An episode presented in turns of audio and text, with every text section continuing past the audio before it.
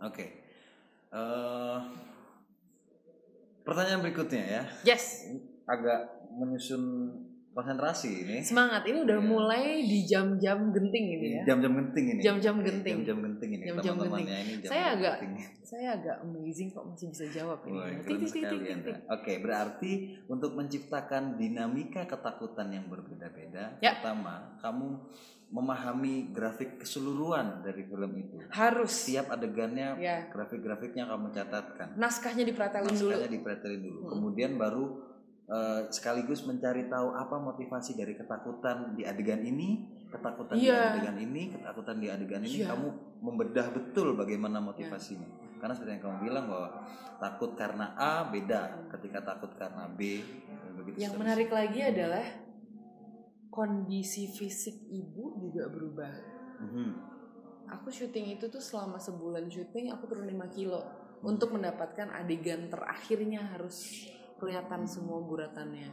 Jadi memang itu pengaruh banget. Dan orang depresi kan menyusut biasa cepet kan memang. Itu itu real kita coba lakukan. Dan juga untuk eh, yang menarik gini a- ada beberapa lapis yang harus diperhatikan dan ditemukan sinkronisasinya. Karena yang pertama eh, grafik adegannya seperti apa yang kedua motivasi takutnya apa dan yang ketiga kondisi ketubuhan pada saat itu terjadi seperti apa itu mesti bener-bener diperhatikan sih sehingga pada saat itu dikawinin semuanya nggak ada yang miss Hmm, Oke, Eh, kemudian kamu tadi bilang soal pertumbuhan tokoh, iya perkembangan tokoh. Hmm. Bagaimana caramu menyadari pertumbuhan tokoh ini? Artinya dari saat dari adegan pertama dengan bentuk tubuhnya, bagaimana caramu menyadari oh di adegan berikutnya dia bertumbuh di bagian ini ini ini, adegan selanjutnya ini yang tumbuh tumbuh tumbuh, yang berubah berubah berubah. Bagaimana kamu menyadari pertumbuhan itu? Karena kayaknya tidak banyak aktor yang bisa eh, melakukan pertumbuhan tokohnya Nah, masa sih? dengan basis Hmm. tokoh yang sama. Paham nggak Mas? Jadi Oh. misalnya gini, tokohnya adalah ibu-ibu yang sedang depresi. Itu Iya. bas- base-nya di situ, dasar di situ. Ketika disuruh tumbuh menjadi ibu-ibu yang lebih depresi, ada beberapa yang kemudian bentuknya jadi berubah. Bentuk base-nya, bentuk dasarnya jadi berubah. Sehingga kayak seolah-olah pertumbuhan itu tidak sinkron. Oh. Bagaimana cara menyadari pertumbuhan tokoh tersebut? Ya tentunya dengan bertanya sama sutradara.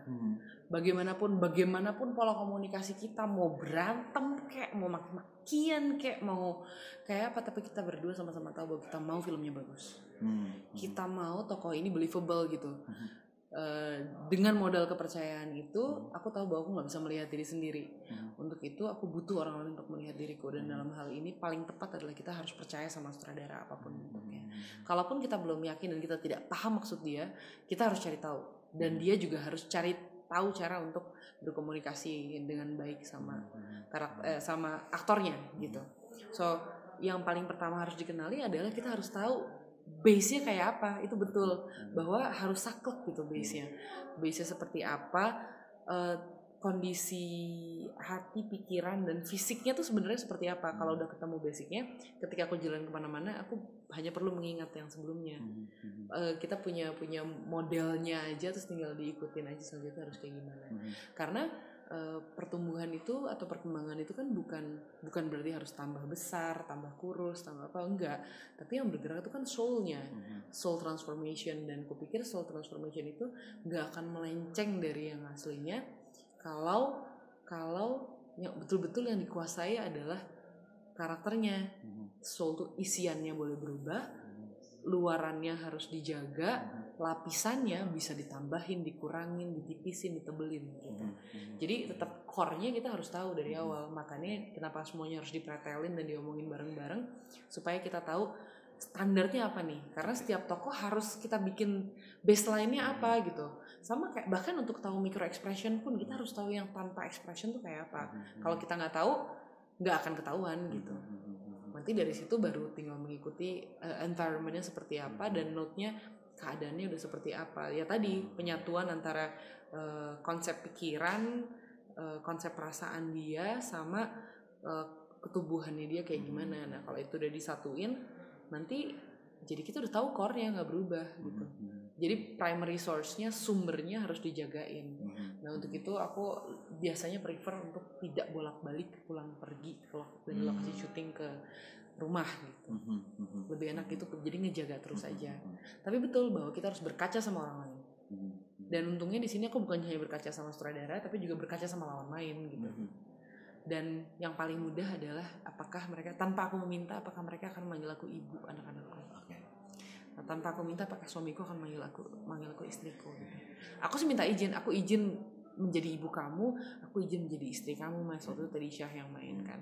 Oh iyalah ayo aja gitu santai. Mhm. oke ya udah tapi aku nggak pernah panggil aku ibu gitu. Nggak pernah kecuali mereka nanya ya gimana nih nek ya? Aku sih suka kalau panggil ibu boleh ya gitu. Tapi kemudian bukan hanya itu kita juga berkaca sama kru yang main. Nanti kalau tiba-tiba kru langsung memanggil dengan nama peran itu buat aku suatu kebanggaan sih.